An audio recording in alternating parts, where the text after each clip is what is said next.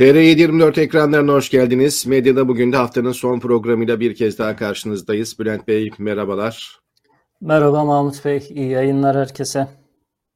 Evet, e, haftanın son programında yine oldukça dolu gündemimiz var. Bunları hemen paylaşmaya başlayalım ama isterseniz kapak konumuzla başlayalım bu sefer.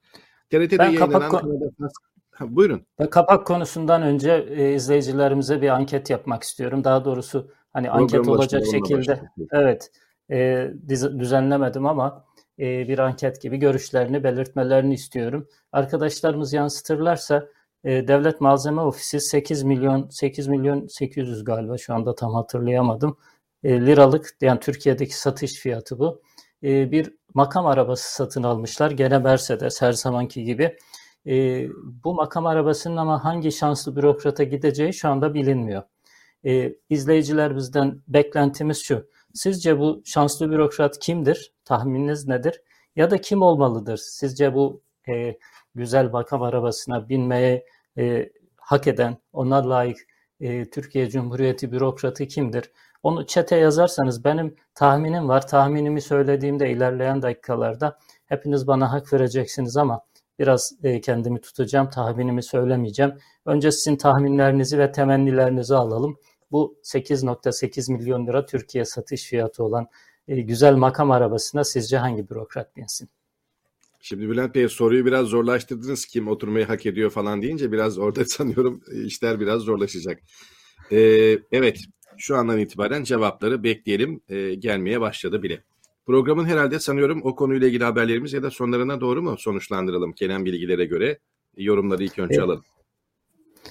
Yani e, ortalarda filan söyleriz ama e, gelen görüşler bir noktada temerküz ediyorsa, merkezlenişiyorsa ortalarda bir yerde de söyleyebiliriz artık. Kesin kanaat bu şekilde oluştu gibi.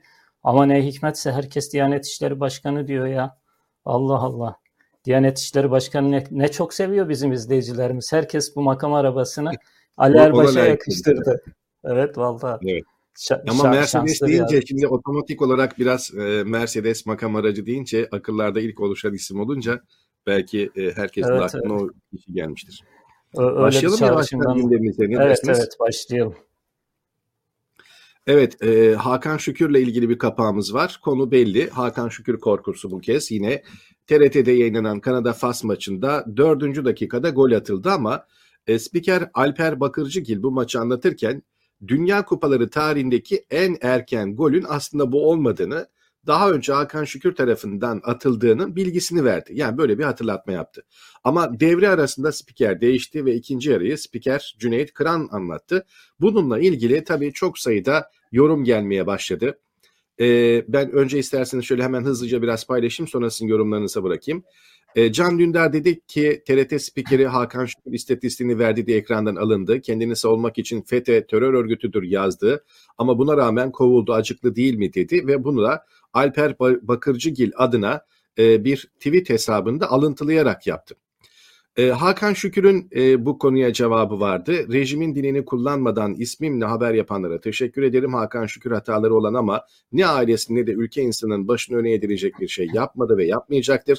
Ülkemde milyonlarca insan gibi e, milyonlarca benim gibi bu siyasete mahkum olan insan vardır. Arkadaşa da çok üzüldüm dedim. Ama e, ilerleyen zamanlarda Hakan Şükür nedeniyle yayından alınan Alper Bakırcıgil'den işten atıldığı iddialarına bir yalanlama geldi. Konuyla ilgili sessizliğini bozan spiker e, Instagram hesabından bir paylaşım yaptı. Sanıyorum artık bu doğru. Twitter hesabı çünkü olmadığını ve TRT'nin işten attığı iddialarını yalanlamış. E, Alper Bakırcıgil'in paylaşımında şöyle diyor e, Instagram hesabı. Twitter'da adıma açılan hesap sahtedir. Benim hiçbir zaman Twitter hesabım olmadı. Bu yapılan saygısızlığa karşı hukuki işlem başlatacaktır bilginize. Evet e, ben şöyle gelişmeleri hızlıca en azından bir süreç olarak aktardım. Sizdeki küpürler ve yorumlarla devam edelim. Valla aslında çok yorumlanacak bir şey yok. Hani tımarhanede bugün diye not edebileceğimiz konulardan bir tanesi. Yani Türkiye'de Türkiye'nin yetiştirdiği en büyük golcü yani. Bunun konuda herhalde neredeyse herkes hem fikir. En azından son 30-40 yılın en iyi golcüsü Hakan Şükür. Bu zaten istatistiklere de yansımış. Yani hem milli takımdaki hem Galatasaray'daki istatistikleri bunu gösteriyor. E, yok etmeye çalışıyorlar, unutturmaya çalışıyorlar. Hani diyelim ki Türkiye'de unutturdunuz, uluslararası camiada nasıl unutturacaksınız? Tam bir saçmalık, tam bir kepazelik. Hatta Kemal Özkiraz mesela bir teklifi vardı. Yap, yapabiliyorlarsa bunu yapsınlar, herkes de bu dertten kurtulsun. Diyor ki FIFA'ya başvuralım diyor. Hakan Şükür'ün golünü silsinler. Böylece o bronz madalyayı da elbette golü silince iade etmeleri gerekiyor. E, böylece e, Hakan Şükür derdinden kurtulmuş olalım. Kimse de böyle ağzından kaçırıp e, bunun bedelini ödemek zorunda kalmasın. Çünkü maç anlatan sunucular, spikerler biliyorsunuz böyle maçı biraz zenginleştirebilmek için ek bilgilerle maça bir renk katmaya çalışıyorlar. İşte çocukluğundan giriyorlar, ailesinden çıkıyorlar, e, daha önce oynadığı takımlar, daha önce attığı ilginç goller vesaire. Maç esnasında hani çok doğal, doğaçlama yapılan bir olay. Yani birisi gol attıysa Ay, bu golün daha güzelini falan attı. İşte bir de Bülent normal... Bey çok çok normal değil mi? Sıradan değil mi? Şimdi bir Dünya Kupası sunuyorsunuz. Dünya Kupası zaten Hı-hı. her gün olan bir şey değil ki. Ya Dünya Kupası tarihine yazılmış bir gol Hakan Şükür'ün golü. En kısa zamanda atılan gollerden bir tanesi. Maç düdüğü çalar çalmaz aradan birkaç saniye sonra gol gelmiş. 11 saniye. Evet yani 11 saniye sonra gelen gol tabii ki Dünya Kupa tarihinin de hafızasına kazınmış bir gol. E şimdi bir spiker 4 dakika içerisinde bir gol atılınca o kupada e, bununla ilgili hemen aklına onun gelmesi. Tamam Dünya Kupası'nın belki bu 2022'nin en hızlı gollerinden biri olabilir ama bir de bundan çok daha hızlısı vardı deyip Hakan Şükür anlatmasından doğan ne olabilir normal şartlarda ama tabii söz konusu olan Türkiye ve TRT olunca iş değişiyor. Bir de yani bunlar güya milliyetçi vesaire filan geçiniyorlar ya. Ya Hakan Şükür bir kişi ama asıl onu orada yani orada Hakan Şükür bireysel bir spor yapmıyordu kendi şirketinin futbol takımında filan oynamıyordu. Üstünde ay, ay yıldızlı e, kırmızı beyaz forması vardı. Yani bu ülke adına o golü attı. Bundan iftihar etmek gerekirken, bununla övünmek gerekirken, her yerde belki bunu göğsünü göre göre söylemek gerekirken e, tam tersine böyle bir saçmalıkla muhatap oluyoruz. Hani Türkiye içerisinde bir kısım programlarda hani Hakan Şükür'ün ismini ya abi biliyorsun söyleyemiyorum artık filan diye e, dile getiren ama söylemişten daha beter e, aslında Hakan Şükür'ün bir anlamda reklamını yapan insanlar var. E, ya da bir kısım spor programlarında işte sırtı dönük oynayan pivot santifor filan diyorlar. Uzun boylu santifor olarak tarif ediyorlar. Ya bu, bu saçmalık sadece e, ülkeyi küçük düşürüyor ve bu şekilde konuşanları, bu şekilde insanları konuşmak zorunda bırakanları küçük düşürüyor, komik düşürüyor. Hakan Şükür'den hiçbir şey eksik olmuyor benim gördüğüm kadarıyla.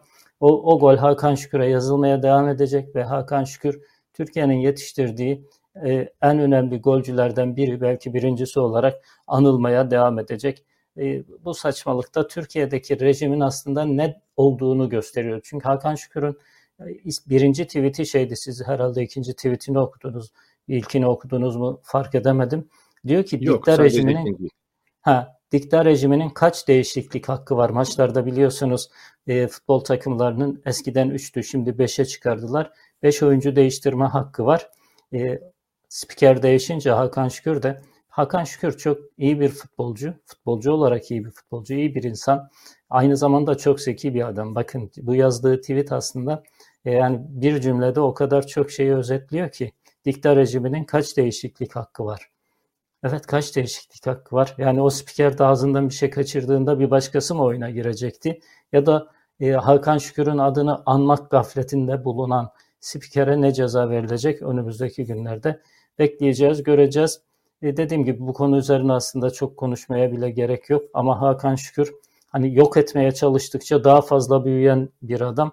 Geçtiğimiz haftalarda işte Oğuzhan Uğur'un programına çağrılıp sonra çağrılmayışını, sonra e, tekrar çağırmasını, sonra tekrar babama sordum vazgeçtim değişini. Ondan sonra da çeşitli kanallara çıkmasını, TV5 gibi kanallarda onu televizyona çıkaran e, yapımcıyı, sunucuyu e, cezalandırmaları, onunla ilgili TV5'ten açıklama yapılması filan. Hep bu böyle Hakan Şükür'ü yok etme hamleleri e, bir paniğin göstergesi ve aynı zamanda da Hakan Şükür'ü yok etmeye çalıştıkça aslında çok daha fazla komik duruma düşüyorlar. En önemlisi de ne kadar büyük bir dikta rejimiyle, ne kadar büyük bir korku cumhuriyetiyle karşı karşıya olduğumuzu herkese, cümle aleme gösteriyorlar. evet. Ben birkaç başlık paylaşayım dilerseniz. Ondan sonra tekrar sizin gündeminize de dönelim. Ee, önemli bir uyarı geldi. Reuters'ın paylaştığı bir uyarıydı bu. Başlamışken bazı büyük elçiliklerin... Buyurun. Başlamışken spordan devam edelim isterseniz. Benim iki tane spor küpürüm daha var. Ee, e, onu söyleyeyim. Onu, evet. E, dün Almanya elendi biliyorsunuz. E, bu Dünya Kupası, Katar Dünya Kupası çok büyük sürprizlere e, sürprizlerle yaşanıyor. Gebe demek e, artık e, mümkün değil. Çok büyük sürprizler yaşandı ve daha büyük sürprizler yaşanacak gibi görünüyor. Almanya'nın elenmesi e, çok güzel bir fotoğrafla e, uluslararası medyada da yer aldı. Thomas Müller'in fotoğrafıyla verildi aslında bu olay. E, biliyorsunuz e, çok bilinen bir söz vardı, çok bilinen bir cümle vardı ve bunu bir Alman söylememişti. Bir İngiliz golcü, çok önemli bir futbolcu Lineker söylemişti. Futbol basit bir oyundur. 22 kişi 90 dakika top 22 kişinin 90 dakika topu kovaladı. Sonunda her zaman Almanların kazandığı bir oyundur. Ee, sözü e, zihinlere kazınmıştı. E, artık klişe haline gelmişti. E, darbu mesel derler eskiler. Bir deyim haline neredeyse gelmişti. Şimdi o e, sözün e, yerle bir edildiği, o sözün artık geçerliliğini yitirdiği bir dönem yaşıyoruz, bir zaman yaşıyoruz. Almanlar da yenilirmiş. Sadece Almanlar yenilmekle kalmıyor. Çok başka sürprizler de var. Bununla ilgili güzel bir değerlendirme var. Hasan Cücük önemli bir spor yazarı. TR724 sitesinde de e, spor yazılarını ben şahsen beğenerek takip ediyorum. Hasan Cücük e, bu sürprizleri ve devlerin yaşadığı büyük e, çöküşü TR724'teki yazısında özetlemiş izleyicilerimiz e, sesli köşelerde dinleyebilirler ya da TR724 e, sitesinden bu güzel değerlendirmeyi okuyabilirler. Evet e, sözü ben tekrar size bırakayım. Evet ben de bir cümleyle hemen toparlayayım. Almanya ve İspanya iki birlik skorlarla yenen Japonya'da E grubunu lider bitirdi. Biraz herhalde bu kupanın sürprizlerinden bir tanesi Japonya. Averajla ikinci olan İspanya gruptan çıkarken Almanya'nın kupaya veda ettiğini zaten siz de duyurdunuz. Şimdi e, futbol ve kupa ile ilgili bu haberlerden sonra biraz baştaki konuya gelelim. Çünkü yine gerçekten önemli bir konu ve önemli bir uyarı var. E, bu uyarı Ankara'daki bazı büyükelçiliklerin güvenlik tehditleriyle ilgili uyarısı. Taksim İstiklal Caddesi'nde 13 Kasım'da gerçekleşen bombalı saldırının ardından bazı batılı ülkelerin büyükelçiliklerinin Türkiye'de yeni bir saldırı gerçekleşebileceği ihtimaliyle uyarıldığı iddiaları var. E, Reuters haber ajansı tarafından servis edilen bu habere göre güvenlik güçlerince bazı Avrupa ülkelerinin Ankara büyükelçilerine ve bir uluslararası kuruluşa potansiyel güvenlik tehditleri uyarısı yapıldı. Reuters'ın ismini vermediği yetkilere dayandırdığı bu habere göre en az iki batı e, ülkesinin büyükelçisi başkent Ankara'da yeni güvenlik tehdidi uyarısında bulundu. Taksim'deki saldırıdan iki hafta sonra da Sırbistan'da vatandaşlarını Türkiye'ye gitmemeleri konusunda uyarmıştı. Diğer yandan ismi verilmeyen ancak büyük bir kuruluş olarak nitelenen kurumun da çalışanlarına alışveriş merkezi, otobüs durakları ve havalimanlarının riskli olduğuna dair e-posta gönderdiğine yer veriliyor haberde. Yine Türk yetkililerin 3 batılı ülkenin büyükelçiliklerine ve bir uluslararası kuruma olası saldırılar içinde uyarı yolladığı ifade edilmiş. Evet Reuters bunu Savunma Bakanlığı ve İçişleri Bakanlığı'na sormuş, e, sormuş. Ajansın konuyla ilgili sorularına herhangi bir cevap gelmemiş. Bu konuyla ilgili Sırbistan Dışişleri Bakanı'nın da açıklamasını görmüştük. Tanyuk Haber Ajans'ta ülkenin Dışişleri Bakanı Ivica Dačić'in Türkiye konusundaki uyarılarını haberleştirmişti. Sırp Bakan ülkesinin vatandaşlarına Türkiye ve özellikle Ankara'ya gitmeyin uyarısında bulundu. Dačić bir terör saldırısı riski olduğuna dikkat çekti ve Dačić güvenlik birimlerinden alınan bilgiye göre vatandaşlarımızı uyarmak istiyorum. Gelecek birkaç hafta içinde bir terör saldırısı olabilir özellikle Ankara'ya dedi. Şimdi daha önce istiklal saldırısından önce de İngiltere, Amerika gibi benzer ülkelerin de kalabalığa girmeme konusunda vatandaşlarına bu tür uyarılarda bulunduğu haberleri yapılmıştı ama genellikle zaten böyle ülkeler vatandaşlarına gidecekleri güzergahlar konusunda e, gitmeden önce belli duyurularda bulunuyor ama bu sefer Sırbistan Dışişleri Bakanı'nın adres vermesi ve özellikle Ankara'yı işaret etmesi de oldukça ilginçti. Evet Türkiye'yi e, dün bir video paylaşmıştık sonra onu kesmek zorunda kaldık. Hep izleyicilerimize de söylüyoruz. Başka bir kanaldan başka bir yayıncıdan video aldığımızda bu başımıza iş açıyor. Bu İsveç kanalı bile olsa ne yazık ki öyle oluyor. Dün bir e, telif uyarısı geldiği için e, dünkü videonun sonundaki o kısmı ayırmak zorunda kaldık ama bütün Türkiye e, sonra onu tartıştı. Dün biliyorsunuz SVT kanalından bir muhabir, bir sunucu e, İbrahim Kalın'a Türkiye suç merkezi haline geldi, suç odağı haline geldi. Kaçakçıların, o uluslararası e, narkotik tacirlerinin, baronların e, merkezi haline geldi. Bu iddialara ne diyorsunuz diye sorduğu soru üzerine yayını terk etmişti. E, sorulara cevap vermek yerine. E şimdi benzer bir şey Türkiye terör açısından da sadece uyuşturucu ve narkotik trafiği değil terör açısından da dünyanın en güvensiz ülkeleri haline geliyor. Her ne kadar İçişleri Bakanı ayakkabı numaralarına kadar biliyoruz dese de herhalde sadece adamların ayakkabı numaralarını biliyorlar ki bu da mümkün değil de e, artık işi vulgarize ediyoruz. Herhalde sadece ayakkabı numaralarını biliyorlar. Adamların da ayakkabı numaralarını elbette görmek mümkün olmadığı için yakalayamıyorlar. Onlar da elini kolunu sallaya sallaya geliyorlar. İstanbul'un göbeğinde ya da Mersin gibi büyük şehrin göbeğinde polis evini basıyorlar ya da işte İstiklal, İstiklal'deki gibi e, bomba patlatıyorlar. E, bu, bu ülkelere niye endişelisiniz e, deme hakkımız var mı? E, adam, insanlar, ülkeler, devletler kendi vatandaşını, kendi diplomatik personelini koruma ihtiyacı hissediyorlar. Siz onları koruyamadığınız için onlar kendi başınızın çaresine bakın diyebilmek için vatandaşlarını uyarıyorlar. Türkiye'nin düştüğü durum bu ne yazık ki. Evet. Umarız e, Allah korusun böyle bir şey olmasın ama yani İnşallah. Ankara gibi bir yerde böyle bir şey olması halinde bunun hesabı nasıl verilir? Yani Sırbistan Dışişleri Bakanı adres gösteriyor vatandaşlarına karşı. Şimdi ismini bilmiyoruz ama artık büyük bir kurum hangisiyse artık bu demek ki bir şirket çalışanlarını e-postayla uyarıyor. Yani bu kadar Sarar Sultan'ın bile duyduğu ve uyardığı bir konuda bunun üzerine hala bir şey olursa artık e, ne diyeceğiz bilemiyorum. E, temennimizi yenileyelim. Umarız olmaz. Umarım bu uyarılar boşa çıkar ama e, dediğim gibi ülkeyi böyle bir duruma düşürmüş olmaları gerçekten acı verici, üzüntü verici. Evet. İbrahim Kalın'la ilgili videodan bahsetmişken dün e, yayınladığımız video ile ilgili e, Euronews'te şöyle bir haber vardı. Ben e, onu e, atlayamadan hemen aktarmış olan bir daha dönmeyiz belki. Kamu yayıncısı aynı Türkiye'nin TRT'si gibi sanıyorum SVT. 12 yaşındaki İsveçli bir kızın katil zanlısının Türkiye'de saklandığını da sormuş aslında. Yani o çok üzerinde durulmayan bir konu. İsveç için önemli bir gündem. Belki İsveç'te konuşulan ve herkesin merakla beklediği veya daha doğrusu takip ettiği bir konu demek ki.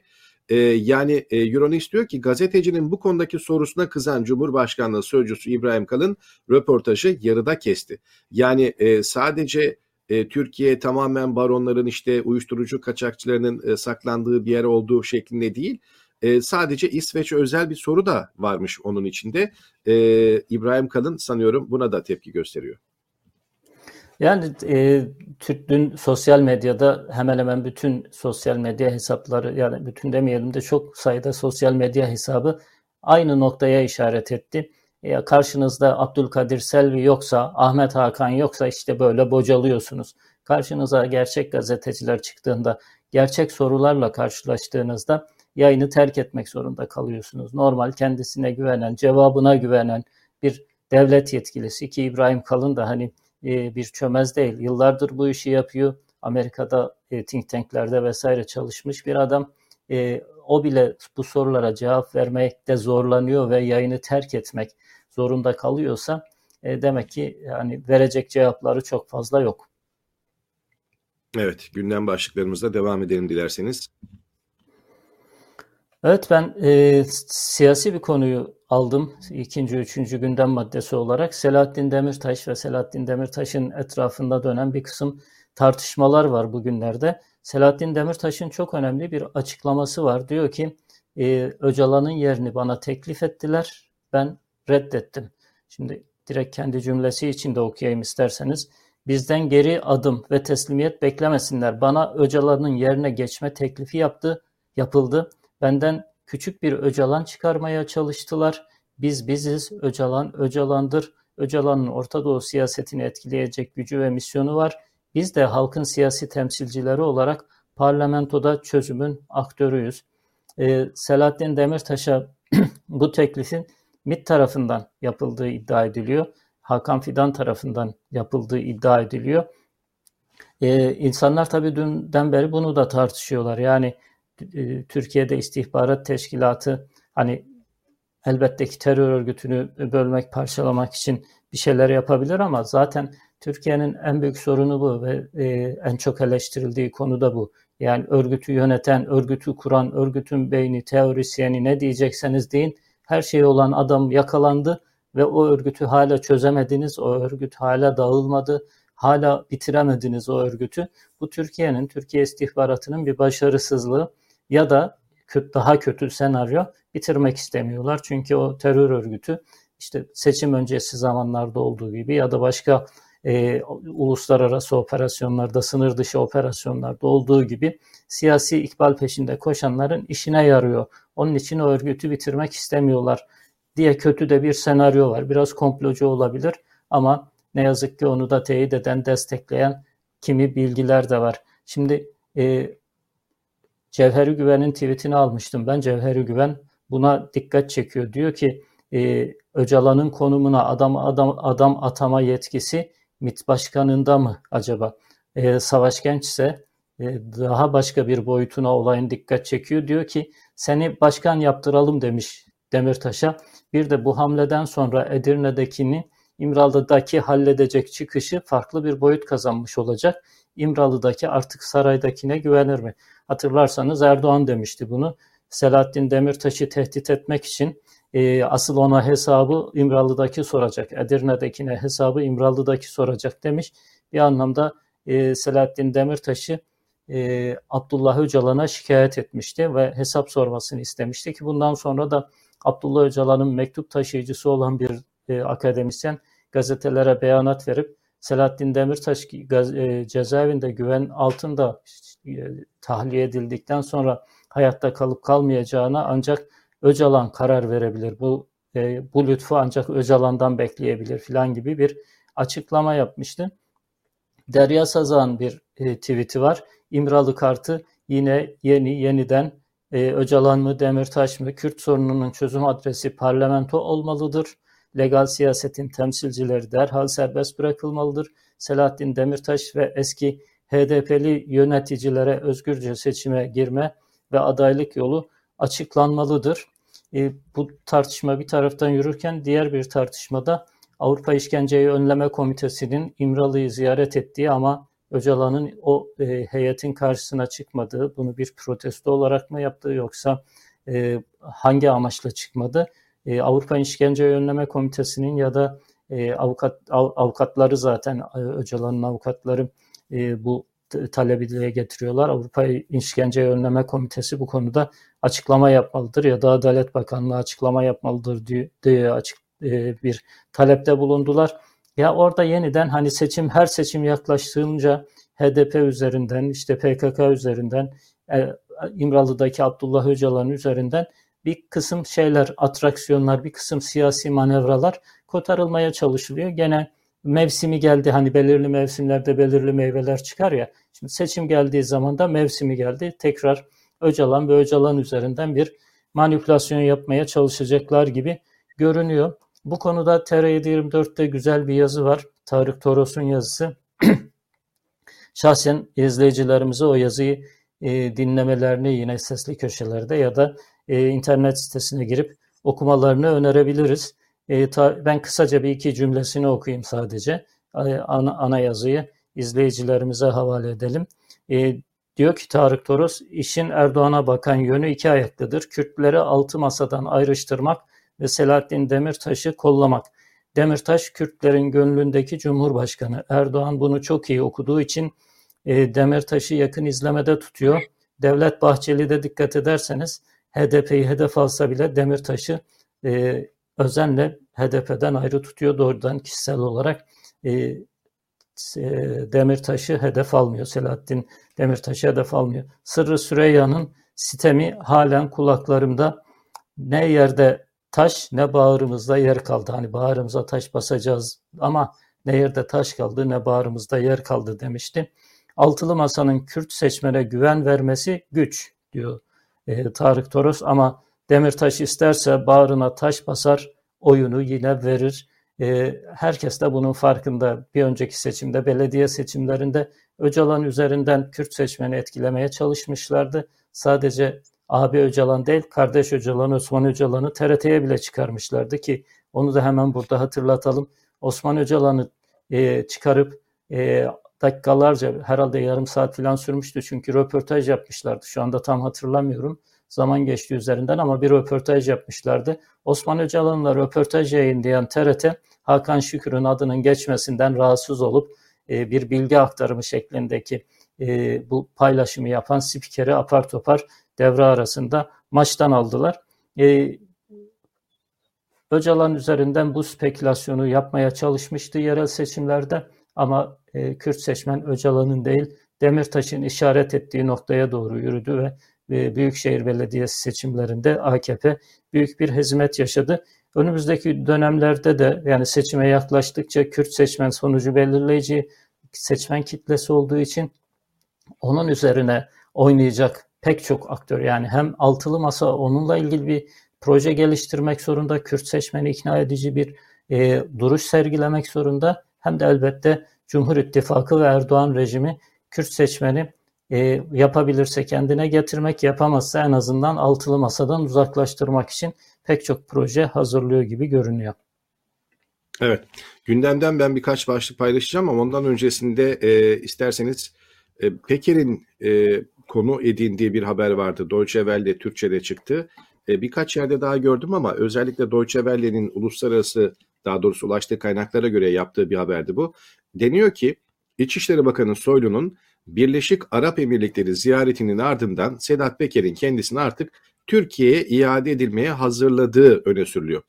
Deutsche Welle Türkçe'nin ulaştığı kaynaklara göre Peker seçimler öncesinde yayınlanmasını istediği videoları güvendiği kişilere teslim etmiş. Ee, daha önce zaten Sedat Peker'in çevresindeki e, o alan daraltıldı. Sesi kesilmek için e, tweet atması ya da paylaşımlar yapması, video çekilmesi hep engellendi. E, internetinin kesilmesi tehdidinde bulunuldu ve e, zaten basın sözcüsü de susturulunca Sedat Peker'in elinde çok fazla bir şey kalmadı. Son Birleşik Arap Emirlikleri ziyareti de, Soylu'nun ziyareti de sanıyorum Peker'i iyice tedirgin etmiş. Artık sanıyorum beni Türkiye'ye iade edilecekler. Bunun hazırlıkları var diyormuş. Kendisine de bunu hazırladığını görüyoruz bu habere dayanarak. Ama ben... e, daha önce konuşmuştuk bu konuyu. Videolar tabii ki Peker'de değil. Bunu e, çok daha öncesinde yorumlarda da e, paylaşmıştık. E, güvenilir kaynaklara çoktan Peker bu videodan daha önceden çekip gönderdi, verdi. Seçimden önce de bunların e, bu güvenlik kişilere teslim ettiği videoların yayınlanmasını istiyor sanıyorum. Tabii bu pazarlığın e, nasıl şekilleneceğiyle alakalı. Yani Sedat Peker'in bir Don Kişotluk yapmasını ben şahsen beklemiyorum. Bir kahramanlık hikayesi çıkarmasını beklemiyorum. Tam tersine Sedat Peker o çektiği videoları pazarlık unsuru olarak kullanmaya devam edecek. Şayet Türkiye'ye iade etseler bile Türkiye'deki yerini e, halini zorlaştıracak, yaşayacaklarını zorlaştıracak şekilde bir e, kahramanlık şovuna girişir mi? Ondan emin değilim. Bence onları hala bir pazarlık unsuru olarak tutacak. Yani şayet Türkiye'ye iade edilirse bu otomatikman o videoların yayınlanması anlamına gelmiyor bence. Tam tersine Sedat Peker Türkiye'den biraz hani güvenliğini sağlamak, rahatını e, sağlamak açısından o e, videoları bir pazarlık, bir şantaj unsuru olarak elinde tutacak. Yayınlarsa şayet pazarlık gücünü bitirmiş olur. Elindeki bütün e, pazarlık unsurlarını kaybetmiş olur. O, da, o zaman Türkiye'de başına her şey gelebilir. Cezaevinde bir şekilde infaz edilebilir. E, yanlışlıkla ölebilir ya da bir hastalıktan işte e, bir sürü e, hiç beklenmedik insanların koronadan öldüğünü duyuyoruz. E, korona çok güzel bir etiket. Herkesin e, tabutuna yapıştırıp gönderiyorlar. Sedat Peker'e de bunu çok rahatlıkla yapabilirler ya da başka gerekçe bulabilirler. E, Kaşif Kozinoğlu'nun yani her gün e, komando sporu yapan adamı bir anda kalp krizinden öldürdüler yani e, nasıl olduysa kimse şu anda izah edemiyor. Onun gibi yani cezaevine, Türkiye'deki cezaevlerine düştükten sonra, devletin eline düştükten sonra akıbetiniz e, çok e, meçhul. Onun için Sedat Peker hani bu videoları kesinlikle birkaç nüsha farklı yerlere dağıtmıştır. Farklı insanlarda bu videolar vardır. Ama Türkiye'ye iade edildiği anda seçimden önce bu videolar yayınlanacak tezine ben şahsen çok inanmıyorum. E, ister Arap Emirlikleri'nde kalsın. Sedat Peker kendi güvenliğini yüzde yüz, kendi ve ailesinin güvenliğini yüzde yüz sağladığını emin olduğunda ancak bu videoları e, yayınlayabilir diye düşünüyorum. Bir de e, ne kadar bir beklentiye girmek doğru bilmiyorum. Yani o videolar ne kadar sarsıcı olur? Türkiye'de ne videolar, ne kayıtlar, ne ses kayıtları, e, ne belgeler gördü ki e, yani bu videolardan ne çıkar onu da bilmiyorum. Belki sadece pazarlık dozunu arttıracak belli başlı videoların yayınlanması gündeme gelebilir. Onun dışında dediğiniz gibi bir pazarlık unsuru olacaktır. E, bir konu var ama önemli bir konu. Sahte doktor konusu. Ben üç gün yokken sanıyorum o Tekirdağ'daki doktor konusunu siz ayrıntılarıyla işlediniz. Ama e, buna girmeyecektim ama normalde e, bir başka sahte doktor daha yakalanınca ister istemez o konu bir kez daha gündeme geldi. Bir başka ikinci sahte doktor vakası da yaşandı dünkü haberlerde. Beyin kanaması geçiren bir hastayı özel bir firmaya ait ambulansla Van'dan İstanbul'a nakleden doktor Erzincan'da yakalandı ama bu doktor da sahteymiş.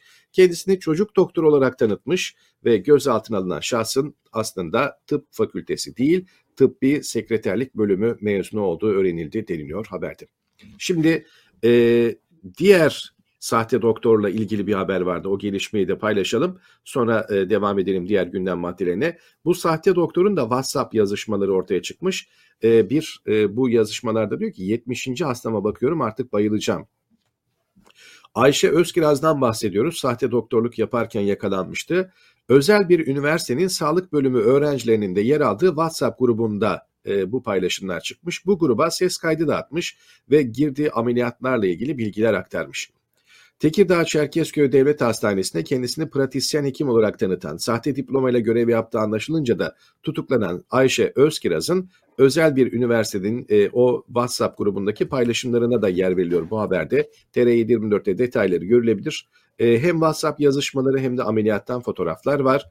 Yani üniversiteyi bitirmemiş bir kişi, bırakın e, kazanmamış bir kişi hatta sanıyorum, bir devlet hastanesine atanıyor, pratisyen hekimlik yapıyor, 70 tane hastaya bakıyor günde e, ve bir taraftan da ameliyatlara giriyor ve bunu da anlatmış e, sesli mesajlarda. En uzun ameliyatım 6,5-7 saat sürüyor. Mideyi tamamen kaburgadan açtığımızda 8 saate kadar uzayabiliyor. Yani detaylar da vermiş. Ben tıp fakültesindeyken diye de sanki öyle e, kendini de bağlandırarak anlatmış. 24 saatlik ameliyatlar bile vardı diye. Evet Öz e, Kiraz gruptakilerden de e, başkaları için fidye, e, özür dilerim fitre istemiş. Annesinin kalp krizi geçirdiğini e, iddia etmiş. Sanıyorum bu da yalan herhalde. Annem kalp krizi geçirdi. Yoğun bakımda iki kez arrest oldu. Bir hekim olarak uyanması için duaya sınıyorum. Lütfen dualarınızla anneme destek olun mesajları da atmış. Yani e, hayatının her yeri yalan mı diyeceğim artık Burka, bunlara nasıl yorum yapmak e, doğru olur bilemiyorum ama işin diğer tarafına bakalım e, tıp fakültesi mezunu olmayan, doktorluk yapmaya yetkinliği olmayan bir insan e, ki ikinci örnekte de olduğuna göre e, nasıl atanabiliyor? Devlet hastanesinde uzun süre hiç kimse fark etmeden nasıl çalışıyor? E, Türkiye'de nasıl bir artık sistem var ki sağlık sistemi e, diplomasız insanlar bile kendisini doktor olarak tanıtıp ameliyatlara bile girebilecek bir ortam bulabiliyorlar. Ben hemen e, klişe espri yapayım sonra diğer konulara geçelim e, diplomasızlar bu ülkede cumhurbaşkanı bile olabiliyor. Doktor olmuşlar çok mu? Bunu duymaktan belki gına gelmiştir ama e, yeri geldiği için ben yine söylemiş olayım. Bu arada e, yorumlardan birkaç tanesine cevap vereyim. E, aynı, aynı zamanda da anket konumuzu hatırlatalım. Devlet Malzeme Ofisi 8.8 milyon liralık bir son model Mercedes satın almış ama hangi şanslı bürokrat bu Mercedes'e binecek? E, bu henüz açıklanmamış bilinmiyor. Biz de izleyicilerimize onu sormuştuk. Sizce bu kim olabilir ya da kim olmalıdır? E, o konudaki cevaplarınızı bekliyoruz. E, mesela Ali Belet demiş ki AKP'ye katılacak yeni bir parti genel başkanına olabilir diyor Mercedes. Demek ki bugünlerde AKP'ye katılması beklenen bir parti genel başkanı mı var? Ben e, şahsen duymadım ama Ali Belet bazı yerleri çok iyi takip ediyor. Bazı bilgileri iyi paylaşıyor. Dün de hatta burada yazmıştım kendisine teşekkür etmiştim. Bilmiyorum şayet öyle bir beklentisi varsa ya da biliyorsa bizimle paylaşırsa mutlu olurum. Bir de Ahmet Emin diye bir izleyicimiz diyor ki Bülent Bey kısa kollusunuz ben burada üşüdüm. E, emin, emin olun burası da çok soğuk. Ama canlı yayın heyecanından o kadar terliyorum ki her gün yayından sonra hani fanilamı böyle sıksam su çıkacak kadar çok terliyorum. E, canlı yayın heyecanı bildiğiniz gibi değil yani. Onun için e, hani kısa kollu e, giymek çok şey değil, abartı değil. Buna inanabilirsiniz.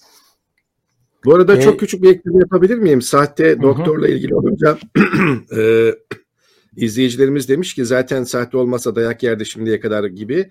O da bir şey mi? Sahte MİT, polis, jandarma var, sahte avukat var, sahte hakimler var demiş. E, Cumhurbaşkanı var daha ne olsun diyenler olmuş sizin yorumunuza dayanarak.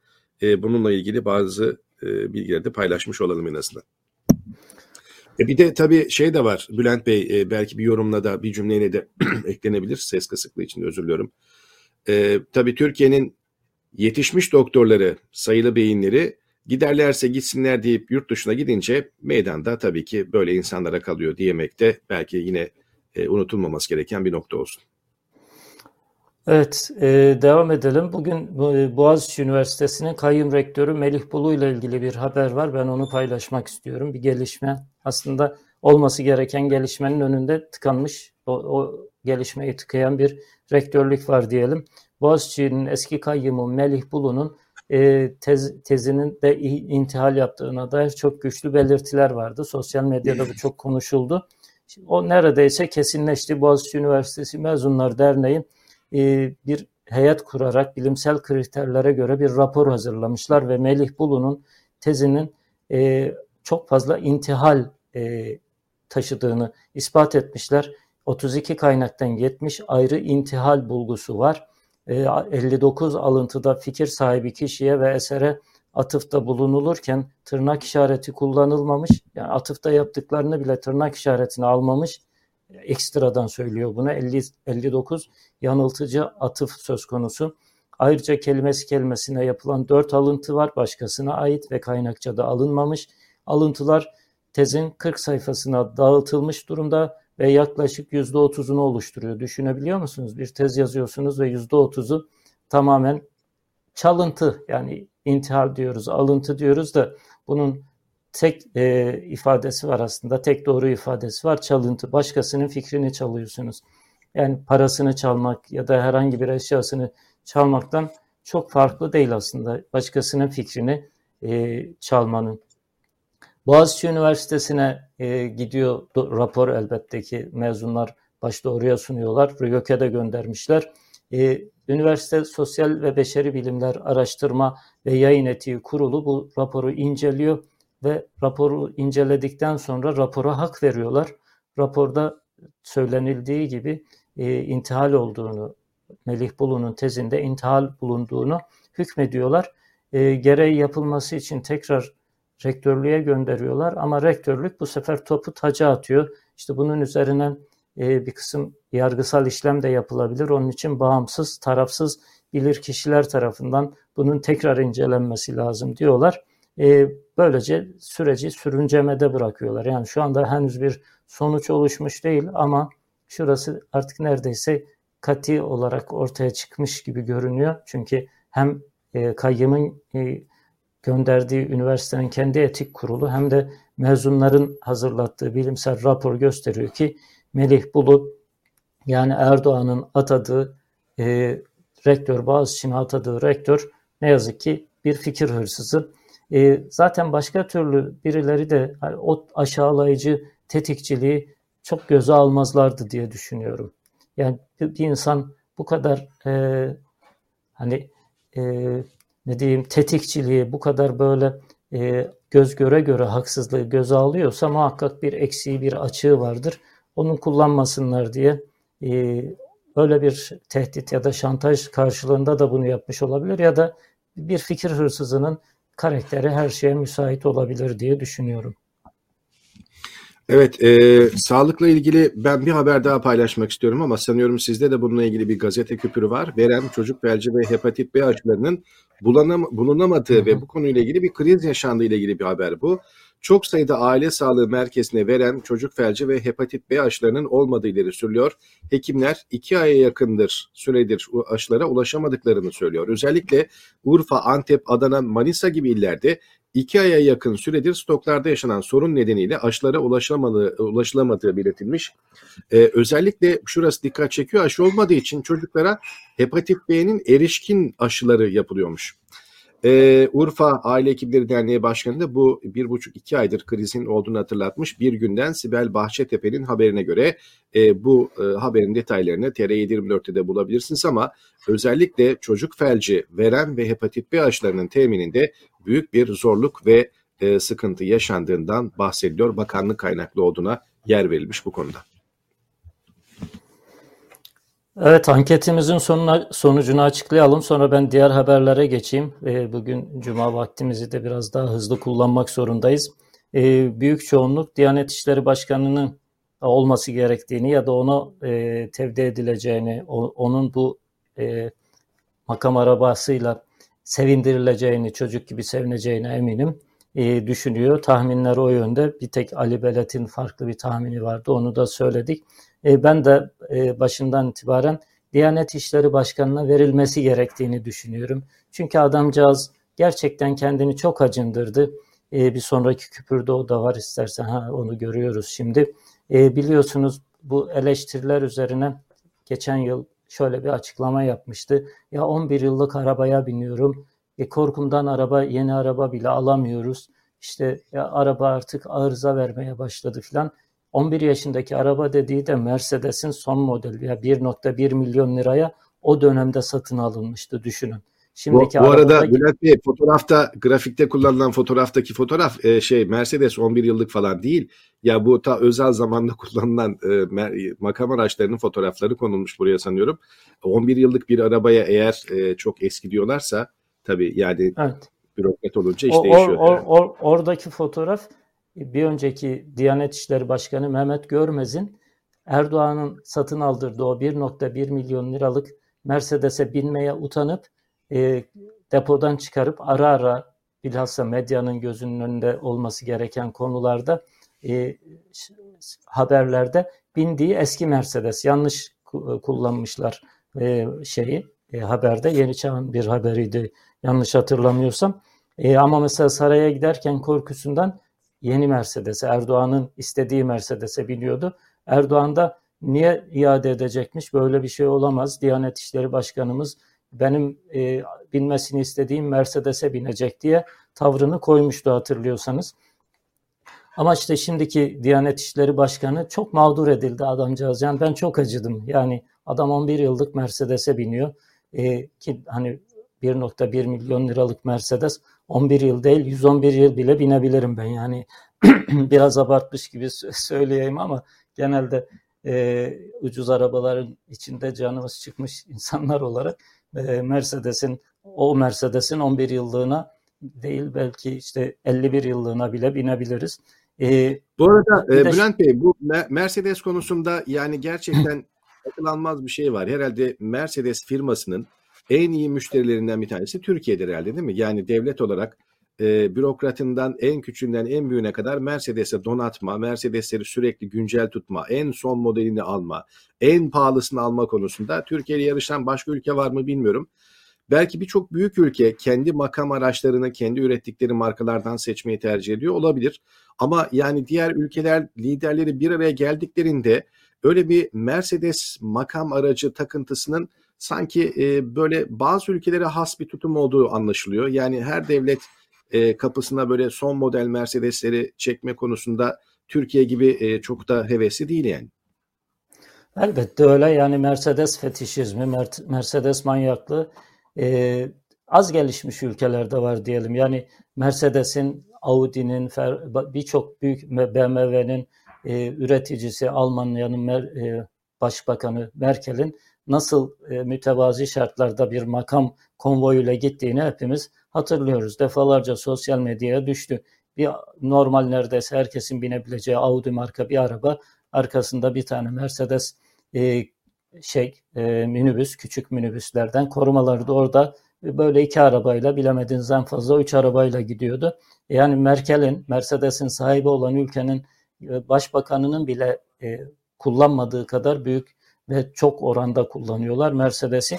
Bir de tabii şunu hatırlatmak lazım. Ya bizim TOG'umuz vardı hani dün sosyal medyada hatta gazetelerinde bile BMW ile kıyaslıyorlardı. İşte güya BMW kıskanmış. TOG'un aynı modelini yapmış. Hatta aynı rengini yapmış. Sanki Türkiye kendine özel bir renk üretmiş e, ve patentini ha, patentini almış gibi. Yani BMW bile kıskanmış. E, TOG'un aynı renginde benzer bir modelini çıkarmış. Ya kardeşim böyle bir yerli ve milli markamız varken niye hala Mercedes'e para veriyorsunuz? Hem de makam araçları TOG'ları o zaman değil mi yani? E, tabii yani neden bütün makam araçlarını TOG'la değiştirmiyorlar? Hani vatandaşa filan da satmasınlar. Bence devlet büyük tasarruf sağlamış olur. Önce bütün makam araçlarını TOG'a dönüştürsünler. Böylece kamu çok önemli bir tasarruf sağlamış olur. E, ondan sonra vatandaşa sırayla e, isteyen vatandaşa, gücü yeten vatandaşa, gerçi o da çok ucuz değil en düşüğü biliyorsunuz 1 milyondan başlayacak dediler. E, normal vatandaşın binebileceği arabaları ancak 5 yıl ya da 7 yıl sonra üretebiliriz diye açıklama yaptı CEO'su. Yani e, TOK dediğimiz şey de öyle çok ucuz bir şey değil. Neyse Diyanet İşleri Olsun, Başkanı gerçekten... En azından bürokratlar binsinler. En azından Mercedes yerine TOK olduğunu Elbette görelim. yani yani hiç olmazsa yarı fiyatına gibi görünüyor. Daha az gibi görünüyor. To tok alsınlar. Yerli milli arabaya binsinler. E, Diyanet İşleri Başkanı'na ama bu alınmışken hani boşa gitmesin, çöpe gitmesin. Diyanet İşleri Başkanı'na versinler bunu. Ben ısrarlıyım. Çünkü adamı gerçekten çok mağdur ettiler. Bir de şeyden mağdur oldu biliyorsunuz. Büyükşehir Belediyesi'ni e, CHP kazanınca, Ekrem İmamoğlu kazanınca Büyükşehir Belediyesi Kadir Topbaş döneminde Diyanet İşleri Başkanı'na son model bir de Audi makam arabası almışlar. O Büyükşehir Belediyesi seçimini kaybettiklerinde belediye valiliği zorlayarak biraz da direndiler. Valiliği zorlayarak e, Ali Erbaş'ın altındaki Audi makam arabasını geri çağırdı. Ondan dolayı da adamın mağduriyeti katlandı. Ben ya yüreğim parçalanıyor. Ali Erbaş'a dayanamıyorum. Bu arabayı en azından ona versinler. Makam arabası sevdası nasıl bir şey Bülent Bey? Yani ufacık bir ilçenin kaymakamı, ufacık bir ilçenin belediye başkanının belki bütçesi kadar makam aracını altına çekmekte bir beis görmüyor. Yani e, gerçekten ilginç. Makam arabası deyince akan sular duruyor. Daha Melik Gökçek kendisine yani e, tahsis edilen makam arabasını daha yeni verdi yani aradan ne kadar zaman geçmesine rağmen. Tabii bir buçuk iki yıl sonra galiba ancak test, zorla alabildiler. Yani medya desteğiyle, medya baskısıyla falan ancak alabildiler. Kemal Yüksel diyor ki adamlarda aşağılık kompleksi var. Bindiği arabayla kendine kimlik yapıyor. Ergenlerin telefon markası merakı gibi bir şey diyor. Koca koca adamlar araba markasını göğsünde taşıyor diyor. Evet doğru doğru, doğru bir tespit. Evet, kendi araba kendi parasıyla alsa sorun yok da işte devletin parasıyla alınınca sorun, milletin parasıyla alınınca sorun orada zaten. Evet. Devam edelim Buyurun. gündemimize. Ben ben devam edeyim isterseniz. Ee, bir, iyi bir haber verelim o zaman. Biraz rahatlatalım insanları. Sihirli Büyüteç diye Posta Gazetesi'nin bir manşeti var. Onunla devam edeyim.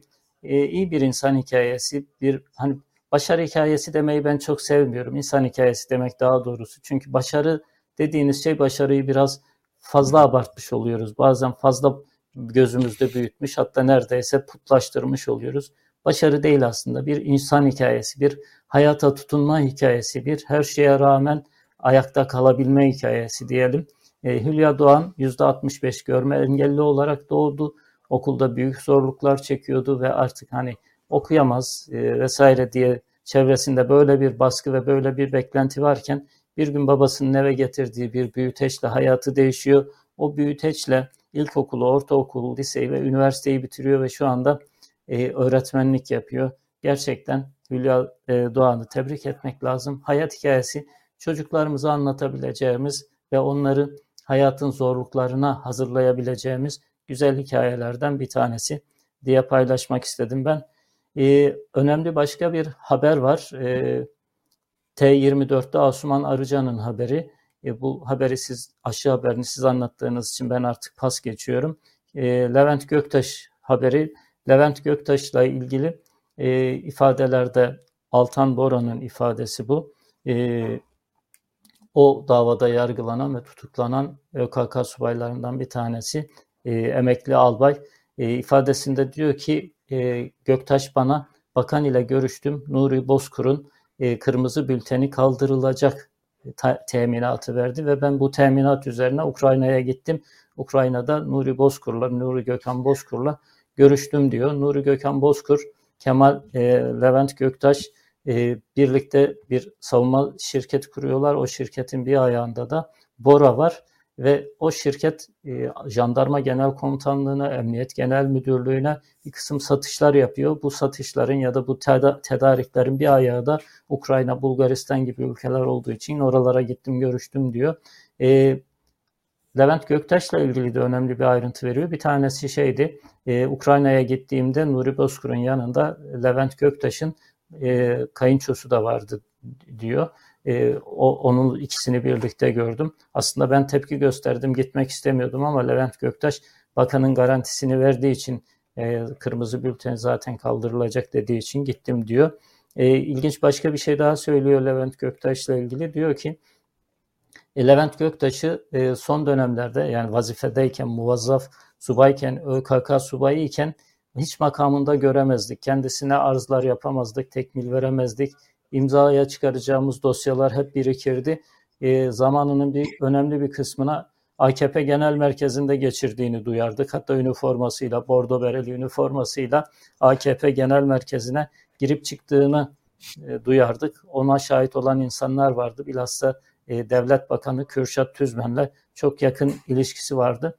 E, Necip Hablemitoğlu cinayetiyle ilgili iddialar ilk ortaya çıktığında e, burada da konuşmuştuk ve genel kanaat şuydu. E, eşinin ilk ifadelerinde, ilk dönem ifadelerinde de bunlar geçiyordu.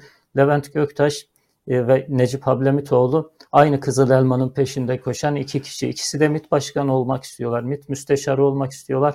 Böyle bir rekabet var aralarında. İkisi de farklı kanallardan AKP'ye ulaşmaya ve AKP'ye yaklaşmaya çalışıyor.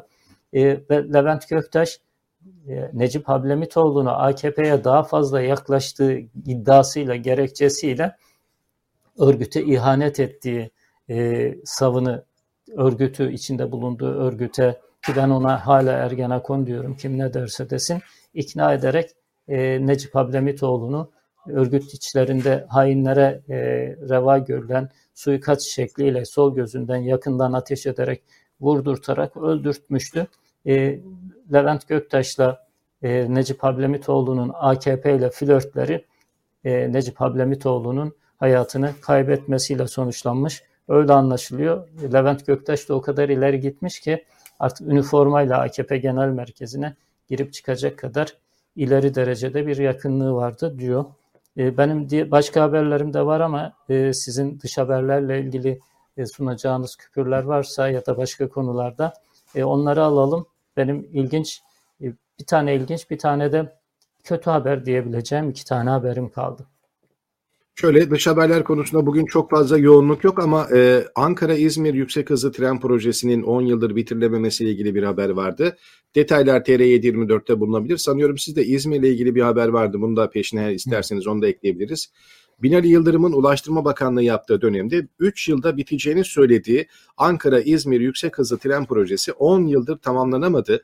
Proje süresi uzadıkça ihaleyi alan yandaş firmanın ERG İnşaat'ın para kazanması da devam ediyor tabii. E, bu arada ihale 2 milyar 163 milyon euro ile İngiliz ERG İnşaat kazanmış ama e, pazarlık usulüyle ihaleye çıkılmış. Cumhuriyet'in haberine göre ihale hukuka aykırı olduğu iddiasıyla itiraz edildi ve süreç yargıya taşındı. ERG İnşaatsa döviz kurumdaki dalgalanma gerekçesiyle ihale ücretine %65 zam istedi. Hazine ve Maliye Bakanı Nurettin Nebati usulsüz ve haksız şekilde istenen 1,5 milyar euronun firmaya ödenmesine onay vermemiş. Ama bir taraftan da tabii 10 yıldır bitmeyen projenin artık iyice kör düğüm olduğuna da dikkat çekiliyor. Yani 3 yılda bitecek denen proje 10 yıldır henüz bitmemiş durumda. Sanıyorum bu bitmeyen tek projesi değil İzmir söz konusu olunca başka sıkıntılar da var herhalde. Evet bugün Cumhuriyet Gazetesi'nin manşeti gerçekten acı bir manşet. Ee, diyor ki İzmir düşman toprağı değil. Bunu söyleyen kim? Bunu söyleyen İzmir Büyükşehir Belediye Başkanı. Ya düşünün ki yani bir e, ülkede en büyük üçüncü şehrin e, belediye başkanı kendisinin e, hani yönettiği şehri düşman hukukuyla muamele edildiğini, düşman gibi görüldüğünü e, söyleyerek bir anlamda yardım istiyor. E, yan tarafta bekleyen projelere baktığınızda evet e, şey değil yani e, haksız değil. Bakıyorsunuz 7 yıldır bekleyen, 5 yıldır bekleyen, 3 yıldır bekleyen e, bir, bir sürü şey var. Proje var ve bu projeler niye bekliyor? E çünkü gerçekten hani İzmir şehrini e, neredeyse hani vatan toprağı saymayan bir iktidarla karşı karşıyayız. e, geçmişte biliyorsunuz Demokrat Parti Kırşehir'i illikten ilçeliğe indirmişti kendisine oy vermedikleri gerekçesiyle. Hani İzmir bu kadar göz önünde ve büyük bir şehir olmasa hani böyle ne bileyim Bayburt gibi, Gümüşhane gibi bir şehir olsa eminim AKP'nin de düşünmeyeceği şeyler değil ama onu yapmasalar da e, bu e, şeylerle ya engelleyici tavırlarla e, o şehrin halkını cezalandırıyorlar. Böyle bir hakları yok, böyle bir yetkileri yok. Bu bir vicdansızlık, bu bir ahlaksızlık aslında, siyasal ahlaksızlık. Çünkü merkezi yönetim herkesin vergilerini harcıyor. Merkezi yönetim herkesin e, yönetimi, herkese eşit davranması gereken bir e, mekanizma. Hani adı üstünde Cumhurbaşkanı, Cumhurun Başkanı ama bir partinin genel başkanlığına e, tamah ettikten sonra ona Cumhurbaşkanı demek çok da doğru değil aslında. Galiba biz de yandaşlar gibi başkanı tercih etsek fena olmayacak. Çünkü hani Cumhurbaşkanı dediğimizde bir paya vermiş oluyoruz. Başka bir e, olay daha var. Bir video var. İsterseniz o videoyu izleyelim. E, CHP'li Kadıköy Belediyesi ki burada e, geçtiğimiz günlerde yine konuşmuştuk.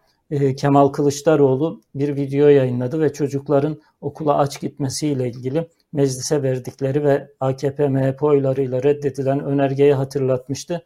Ama biz belediyelerimizle en azından yapabildiğimiz ölçüde çocukların okulda aç kalmasını önleyici tedbirler almaya çalışıyoruz demişti. Bütün belediyelerin e, bu konuda görevlendirdiğini açıklamıştı. Evet Kadıköy Belediyesi de böyle bir şey yapmaya çalışıyor.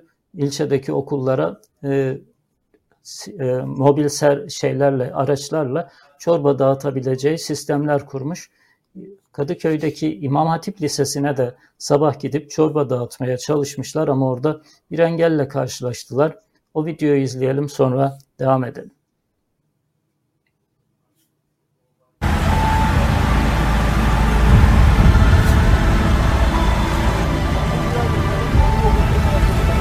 Ama şimdi burada bak, burada kantin var, burada yemekhane var. Ya sen de çekip durmana gerek yok ki kardeşim. Şimdi yani terbiyesizliği terbiyesizlik yapıyor, işi yapıyor arkadaşlar. Tam en sonunda kalmışsın. Kadıköy Belediyesi'ndeyiz şu anda. Yavaş, arkadaşlar. Arkadaşlar, ne yapıyorsun sen ya? Hayırdır ya? Hayırdır ya? Gelsene bir Ben nöbetçiyim. Ben çıkın dışarı. Ben görevimi yapıyorum. Hanımefendi, hanımefendi hangi okulda bunu yapıyorsunuz? Bütün okullarda çektik, videosunu yaptık. Ben de çekeceğim. Ben de çekeceğim. Ben çek. Kırdırtma kamerayı. Ben çekeceğim. Terbiyesizliği yap. Bunun için geldik. Bunun için geldik.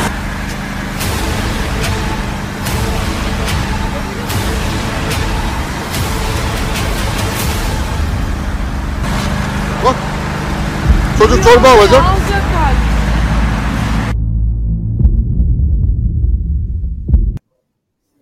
Bülent Bey siz yorumlara geçmeden e, işin gerçekten garip tarafları var. Birincisi o işte yaz saati kış saati meselesi yüzünden sabah gerçekten karanlıkta çıkıyor çocuklar evlerinden. E, birçoğu o erken saatte kahvaltı yapma fırsatı buluyor mu bilmiyorum. Yani biz kendi çocukluğumuzda da zannediyorum kahvaltı falan yapmaya fırsatımız olmuyordu. Direkt kendimizi okula atıyorduk. Şimdi e, çocuklar ne olup ne bittiğinin farkında değil. Kadıköy Belediyesi orada sıcak bir çorba dağıtma yeri açmış e, sabah da okuldan aç çıkan öğrenci direkt kendisini o tarafa doğru yönlendiriyor ama başında bekleyen öğretmenler onu hemen oradan uzaklaştırmaya çalışıyor. Yani öğretmenlik mi yapıyorlar yoksa kantin görevlilerine yardım mı yapıyorlar? Yani kraldan çok kralcılık durumu mu var? Söz konusu olan Kadıköy Belediyesi olunca mı İmam Hatip'te böyle bir refleks gelişti? Gerçekten anlamak çok zor bunu. Ya siz aslında söylenecek her şeyi söylediniz. Yani çocukların e, çocuklar üzerinden siyaset yapılmaması gerekiyor. Şimdi diyor ki mesela izniniz yok diyor. Ya bir gıda üretimiyle ilgili izin almak istediğinizde, bir mekan açmak istediğinizde kimden gidip izin alıyorsunuz? Belediyeden. Ya zaten izni veren kurum o. Yani e, orada çorba dağıtmasının ne mahsuru olabilir? Hani sıhhi şartları yerine getirilmemiş e, gıda satması ya da gıda dağıtması daha doğrusu e, dağıtması söz konusu olabilir. Ancak tek mahsuru o olabilir. Yani çocuklara e, sağlıksız şeyler yediriyorsunuz, içiriyorsunuz diyebilirler. Bunun için izin alın. E, bugün bunun için izni nereden alması gerekiyor? E, belediyeden alması gerekiyor. Dağıtan zaten belediye. Kimden ne izni alacaklar? Yani bu tamamen hani biz bahçemizde CHP'li bir belediyeye çocuklara çorba içirttirmeyiz e, kavgası. E, çok çiğ, çok çirkin. Yani e, mesela çocukları ya bırakın hani serbest piyasa o ki çocuklar İmam Hatip lise çocukları galiba 15-16 yaşında çocuklar isteyen içsin isteyen içmesin ya bu kadar basit. Yani CHP'li bir belediyeden çorba içmek istemeyen çocuk varsa o da içmesin. Ya kapı başında gardiyan gibi durup e, geçin geçin içeriye deyip şeye çorba minibüsüne doğru yönelen çocukları tehdit ederek içeriye göndermek ve bir de başlangıçtaki cümle önemliydi. Ya okulumuzda market var diyor. Kardeşim marketlerde... Kantin var diyor. Ha, e şey, kantinde siz bedava mı dağıtıyorsunuz tostu çayı e, kan, acaba? Yani yani belediye gelmiş ki e, yemekhane var diyor. Yemekhanede de ücretli şey, yemekler ücretli de, ücretsiz değil ki zaten CHP MHP'nin teklifi biliyorsunuz ücretsiz yemek dağıtılması şeklindeydi. E, çocuklar burada bedava çorba içmesinler, içeriye gelsinler, bizim ücretli yemeğimizi yesinler. E oldu. Emredersiniz yani. Ama yani ya bunu yapan engelleyici... kantinci olsa belki bir yerde bir çıkar kavgası denebilir ama yani okul yetkililerinin, okul öğretmenlerinin hele en çok gıcık ve yani e, sinir olduğum o kırarım kameranı meselesi vardır ya basın mensuplarının hmm. karşılaştığı en büyük vandallıktır o. Yani o kameraya nedense dayanamaz bu tipler. O kameraya hemen e, böyle bir kırma teşebbüsünde bulunurlar. Ellerini uzatırlar. Evet. E, hayatımız boyunca yaşadığımız e, bir olay bu. O kamerayı kırarım, indir o kamerayı meselesi. Bir gazetecinin, Hı-hı. televizyoncunun en çok duyduğu şey zaten. Yani günahını almayayım ama genelde okullarda kantin ihaleleri e, okul yönetimiyle çok şeydir yani çok, çok böyle hani e, temiz ihaleler değildir. Bunu, bilmiyorum. Bilmediğim için suçlama yapmak istemiyorum ama bir okul yönetimi çıkıp o yönetici ise şayet orada e, kantini savunması, yemekhaneyi savunması, orada çorba e, bedava çorba dağıtılmasını engellemeye çalışılması, çalışması e, ya siyasi ideolojik bir bağnazlık ya da e, içerideki kantinle ortak bir şeyler yapıyor. O içerideki kantinden bir kısım e, haksız kazançlar mı elde ediyor? Yani başka bir şey gelmiyor insanın aklına. Yani ya bir de neden Bülent bu kadar, Bey nedir? Bir neden bu kahve kadar agresifsiniz? Değil mi? Kağıt bardakta kahve yani bir çorba veriyor. Bo boğazından sıcak bir lokma geçecek çocuğun okula derse girmeden önce. Sonra zaten acıkırsa gidip yine çayını kantininden tostunu söylesin. Ne var bunda yani? Evet yani bir de neden bu kadar agresifsiniz? Yani e, e, evet çıkıp mesela izin de isteyebilirsiniz ama bu izni çok makul medeni şekillerde istersiniz. Sizin çekmelerinden de rahatsız olmazsınız. Mesela şayet doğru bir şey yapıyorsanız, hakkınız ve yetkiniz olan bir şey yapıyorsanız bunun çekilmesinden neden rahatsız olasınız ki? Mesela biz her gün bir saat, bir saat on dakika bazen burada kamera karşısında konuşuyoruz. Söylediğimiz şeyler, yaptığımız şeyler utanılacak, e, çekinilecek bir şeyler değilse kameranın karşısında olmaktan niye çekindiniz, niye korktunuz, niye agresifleştiniz? E, olayın bir de o boyutu var yani. Adam gelmiş orada çorba dağıtıyor. Birisi de çorba dağıtılan dağıtımını çekiyor ya da engellene, engelleyenleri çekiyor. E, engellemek şayet senin görevinse, hakkınsa, yetkinse bunun çekiliyor olmasından niye rahatsız oluyorsun? Bu kadar basit aslında. Evet. Ama ben şunu merakla bekliyorum. Gerçekten keşke bizi duyanlar e, böyle bir imkan varsa. Hani o bir soru var ya bize özel mi yapıyorsunuz bunu? Oradaki bayan da diyor ki artık bilmiyorum yetkilisi durumunu. E, bütün okulları yapıyoruz diyor. Yani diğer okullarda da olduğunu, Kadıköy'ün bu uygulamayı sadece bu İmam Hatip Lisesi'ne gıcıklığına ya da böyle e, terslik olsun diye değil de her yerde yaptığına dair bir video paylaşılsa biz de buradan yer versek. Yani bunun sadece Kadıköy İmam Hatip Lisesi ile ilgili olmadığını şeklinde e, bir şey olsa gayet güzel olur aslında. Evet yani aslında belediyenin kendi internet sitesine girmeyi sabah düşündüm. Yani orada diğer örnekler varsa onları da alacaktım ama tabii çok koşuşturma içerisinde bütün gündemi toplamaya çalıştığımızdan ihmal ettim. Belki belediyenin sitesinde varsa oraya girip onu da alabiliriz. Ben son bir küpür paylaşmak istiyorum. Vaktimizi evet. bayağı geçtik. Sonra Bu da çok e, çok önemli bence bir haber.